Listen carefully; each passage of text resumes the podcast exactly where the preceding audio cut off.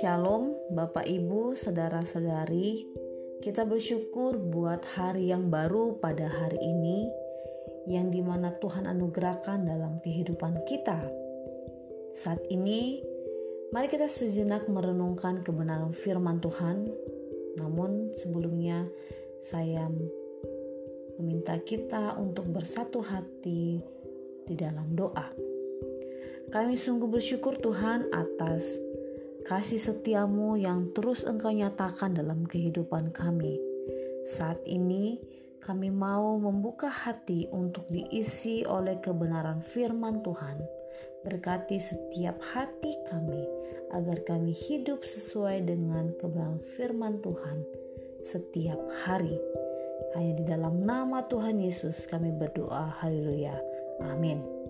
Bapak Ibu, saudara-saudari yang terkasih, pada hari ini kita kembali belajar kebenaran firman Tuhan dalam seri 2 Tawarik pasal yang ke-31. Dan di sini Bapak Ibu masih menceritakan kisah dari kepemimpinan Raja Hizkia atas bangsa Israel. Jikalau kita melihat di dalam pasal sebelumnya, Bapak Ibu di dalam pasal 29 dan pasal yang ke-30, kita telah mengetahui bagaimana Raja Hizkia yang membawa bangsa Israel datang kembali kepada Allah. Dan di saat itu Allah yang sedang murka kepada umatnya karena sikap mereka yang meninggalkan Tuhan. Dan sikap ini Bapak Ibu nampak bagaimana Raja Hizkia menyadarkan bangsa Israel untuk melakukan yang benar di mata Tuhan, yakni dimulai dengan menguduskan rumah Tuhan dan beribadah kepada Tuhan, mempersembahkan korban serta merayakan perayaan Paskah. Dan dikatakan Bapak Ibu di dalam pasal ke-30 ayat yang ke-27 sesudah itu para imam Lewi bangun berdiri dan memberkati rakyat. Suara mereka didengar Tuhan dan doa mereka sampai ke tempat kediamannya yang kudus di surga. Nah, Bapak Ibu, dan ternyata Bapak Ibu bagaimana Raja Hizkia membawa bangsa Israel untuk datang meminta ampun kepada Tuhan, untuk mereka berbalik sungguh dengan sepenuh hati kepada Tuhan. Ternyata dia hanya berhenti sampai di situ Bapak Ibu di dalam pasal yang ke-31 yang menjadi teks firman Tuhan pada pagi hari ini Bapak Ibu di dalam ayat yang pertama dikatakan bahwa setelah semuanya ini diakhiri, seluruh orang Israel yang hadir pergi ke kota-kota di Yehuda, lalu meremukkan segala tugu berhala, menghancurkan segala tiang berhala, dan merobohkan segala bukit pengorbanan dan mesbah di seluruh Yehuda dan Benyamin, dan juga di Efraim dan Manasye, sampai musnah semuanya. Kemudian pulanglah seluruh orang Israel ke kota-kotanya, ke miliknya masing-masing. Nah, Bapak Ibu, pada saat itu, bangsa Israel tidak hanya datang kembali menyembah kepada Tuhan, tetapi mereka sampai kepada titik menyadari bahwa mereka harus meninggalkan penyembahan-penyembahan berhalanya mereka, Bapak Ibu. Sehingga di dalam ayat ini menceritakan bahwa mereka menghancurkan segala tiang berhala mereka, merobohkan segala bukit pengorbanan dan mesbah mereka yang membuat Allah murka atas bangsa Israel.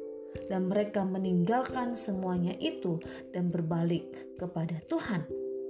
Nah, Bapak Ibu, saudara-saudari yang terkasih, tindakan kerohanian bangsa ini tidak hanya ketika mereka berada di dalam rumah Tuhan, ketika mereka berkumpul di Yerusalem, tetapi mereka dengan sepenuh hati sungguh-sungguh beribadah kepada Allah sehingga mereka memutuskan hubungan dengan penyembahan berhala dan menghancurkannya dan mereka berbalik sepenuhnya hanya menyembah kepada Allah nenek moyang mereka dan Raja Hizkia Bapak Ibu di dalam kepemimpinannya sebagai raja bagi bangsa Israel.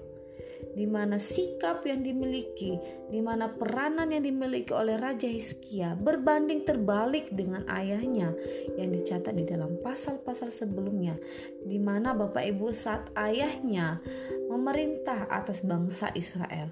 Bangsa Israel ini tidak dibawa kepada jalan yang benar, tidak dituntun untuk terus setia kepada Allah, melainkan bangsa Israel dibawa untuk menyembah berhala dan sehingga Tuhan meninggalkan mereka. Tetapi Bapak Ibu, sikap Raja Hizkia berbalik daripada sikap dari kepemimpinan ayahnya melainkan di mana Raja Hizkia membawa bangsa Israel ini kembali dalam kesadaran penuh akan keberdosaan mereka, sehingga Allah berkenan atas doa-doa mereka. Nah, Bapak Ibu, di sini Raja Hizkia menjalankan perannya dengan benar sebagai orang yang dipilih oleh Tuhan. Ia menuntun bangsa Israel untuk sujud menyembah kepada Tuhan dan mereka meninggalkan penyembahan-penyembahan berhalanya. Nah, Bapak Ibu, apa yang perlu kita ketahui dari kisah ini bahwa dalam perjalanan iman kita kepada Tuhan juga Bapak Ibu, kita juga perlu memiliki sikap yang terbuka di hadapan Tuhan kita perlu memiliki suatu sikap yang sadar di hadapan Tuhan. Adakah sikap saya yang membuat Tuhan tidak berkenan atas kehidupan saya? Adakah saya menduakan Tuhan yang membuat Tuhan kecewa atas sikap saya sebagai orang percaya? Bapak Ibu, kita perlu setiap hari mengizinkan Allah mengoreksi kehidupan kita agar kita hidup sesuai dengan ketetapannya. Dan di dalam 2 Timotius pasal 3 ayat 16 sampai 17 firman Tuhan berkata, segala tulisan yang diilhamkan Allah memang bermanfaat untuk mengajar, untuk menyatakan kesalahan, untuk memperbaiki kelakuan dan untuk mendidik orang dalam kebenaran. Dengan demikian, tiap-tiap manusia kepunyaan Allah diperlengkapi untuk setiap perbuatan baik. Bapak Ibu kita perlu menyadari bahwa ketika kita sebagai orang percaya, kita harus hidup sesuai dengan kebenaran firman Tuhan. Dan melalui kebenaran firman Tuhan itu, kita juga perlu menyadari bahwa kita melakukan kesalahan dan kita harus terbuka akan kesalahan kita. Kita berbalik meminta ampun kepada Tuhan dan kita mengambil satu titik di mana kita harus hidup benar di hadapan Tuhan, berkomitmen untuk sungguh-sungguh hidup di hadapan Tuhan.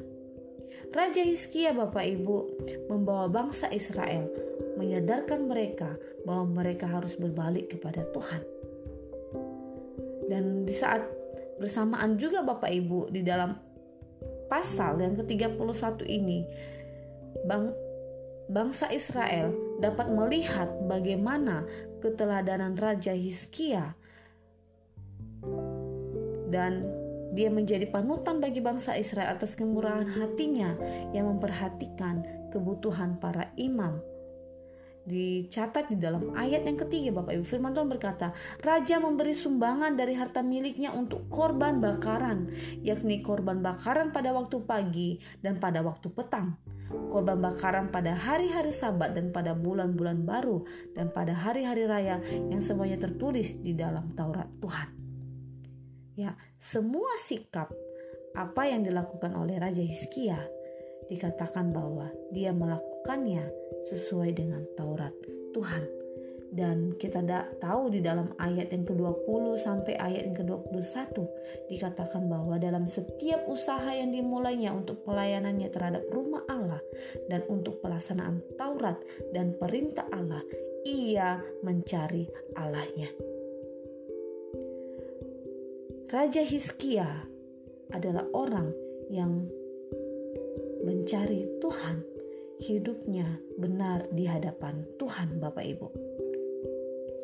Dan apa dampak setelah Raja Hizkia yang berinisiatif memperhatikan kebutuhan para imam Lewi agar mereka fokus dalam rumah Tuhan melakukan pelayanan mereka, sehingga bangsa Israel ketika ia memerintahkan rakyatnya di dalam ayat yang keempat pasal ke-31 dikatakan yakni penduduk Yerusalem untuk memberikan sumbangan yang menjadi bagian para imam dan orang-orang Lewi supaya mereka dapat mencurahkan tenaganya untuk melaksanakan Taurat Tuhan. Dan Bapak Ibu, apa yang menjadi respon dari bangsa Israel? Apakah mereka tidak taat atau mereka ogah-ogahan Bapak Ibu? Tetapi di dalam ayat yang kelima dikatakan bahwa segera setelah perintah ini tersiar, orang Israel membawa dalam jumlah yang besar hasil pertama daripada gandum, anggur, minyak, madu, dan segala macam hasil bumi. Mereka membawa juga persembahan persepuluhan dari segala sesuatu dalam jumlah yang besar. Katakan di dalam ayat yang ke-6 Bapak Ibu bahwa orang Israel dan orang Yehuda yang tinggal di kota-kota Yehuda juga membawa persembahan persepuluhan yang terdiri dari lembu sapi dan kambing domba dan persembahan persepuluhan yang terdiri dari persembahan kudus yang telah dikuduskan bagi Tuhan Allah mereka. Semuanya itu diletakkan mereka bertimbun-timbun. Dan di dalam ayat yang ketujuh Bapak Ibu, oleh karena semua bangsa Israel bergerak untuk memberikan persembahan mereka ke rumah Tuhan, membawa persepuluhan mereka Bapak Ibu. Mereka mulai membuat timbunan itu pada bulan yang ketiga dan mereka selesai pada bulan yang ketujuh. Dan bagaimana reaksi dari Raja Hizkia menyaksikan sikap dari bangsa Israel? Dikatakan Hizkia dan para pemimpin datang melihat timbunan itu dan mereka memuji Tuhan dan umatnya, orang Israel. Nah Bapak Ibu, Raja Hizkia menjadi teladan panutan bagi bangsa Israel. Kita sebagai orang Kristen Bapak Ibu, kita juga dipanggil harus menjadi teladan. Kita harus menjadi teladan yang mentransfer pengaruh yang benar bagi sekitar kita. Amin. Dimulai dari lingkungan yang kecil, Bapak Ibu. Dimulai dari keluarga kita, dari rumah kita masing-masing kepada anak-anak kita, kita harus menjadi teladan kepada pasangan kita, Bapak Ibu, sehingga barulah kita keluar menjadi teladan bagi tetangga kita di lingkungan kita bekerja, dan juga bagi anak-anak di sekolah yang masih sekolah, baik bagi teman-teman dan juga kepada guru-guru yang ada di sekolah. Dan kita patut menjadi teladan, baik di dalam tindakan dan juga perkataan. Teladan Bapak Ibu menjadi teladan bukan hanya ketika ada orang atau tidak ada orang Bapak Ibu, di mana pun kita berada. Kita harus menjadi teladan. Dan di dalam ayat yang ke-20 sampai ayat yang ke-21 dikatakan kembali lagi bahwa demikianlah perbuatan Hizkia di seluruh Yehuda.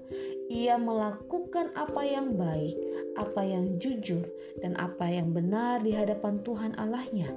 Dalam setiap usaha yang dimulainya untuk pelayanannya terhadap rumah Allah dan untuk pelaksanaan Taurat dan perintah Allah, ia mencari Allahnya Semuanya dilakukannya dengan segenap hati, sehingga segala usahanya berhasil. Bapak Ibu, waktu kita menjadi orang Kristen yang sungguh-sungguh di hadapan Tuhan, kita cinta akan Tuhan, kita cinta akan kebenaran firman Tuhan, kita cinta untuk hidup benar di hadapan Tuhan dan kita kita membenci kejahatan, kita tidak kompromi dengan dosa Bapak Ibu. Kita mengejar apa yang baik, kita mengejar apa yang jujur di hadapan Tuhan Bapak Ibu, apa yang benar dan kita mengutamakan Tuhan dalam kehidupan kita, sehingga apa pun yang kita lakukan, Tuhan akan membuatnya berhasil, seperti yang dialami oleh Raja Hizkia. Demikian juga jikalau Bapak Ibu dan saya, saudara-saudari yang terkasih, di mana pun Bapak Ibu saat ini berada, apa pun yang engkau lakukan, waktu kita percaya kepada Tuhan, waktu kita memilih untuk sungguh-sungguh kepada Tuhan, kita memautkan hati kita sepenuhnya kepada Tuhan, kita tidak mencari kesenangan kita Bapak Ibu yang tidak berkenan kepada Tuhan, melainkan kita mengutamakan, menyenangkan Tuhan dalam kehidupan kita. Waktu kita melakukan segala sesuatu, kita terlebih dahulu mencari Allah, maka Bapak Ibu dan sikap kita yang menyerahkan segala sesuatu yang kita miliki, yang kita lakukan kepada Allah, maka Tuhan akan berkenan kepada kita dan Ia akan membuat kita berhasil karena berkat-berkat Allah akan terus menyertai kita waktu kita terus percaya kepada Tuhan. Kiranya firman Tuhan pada pagi hari ini memberkati kita di mana pun kita berada.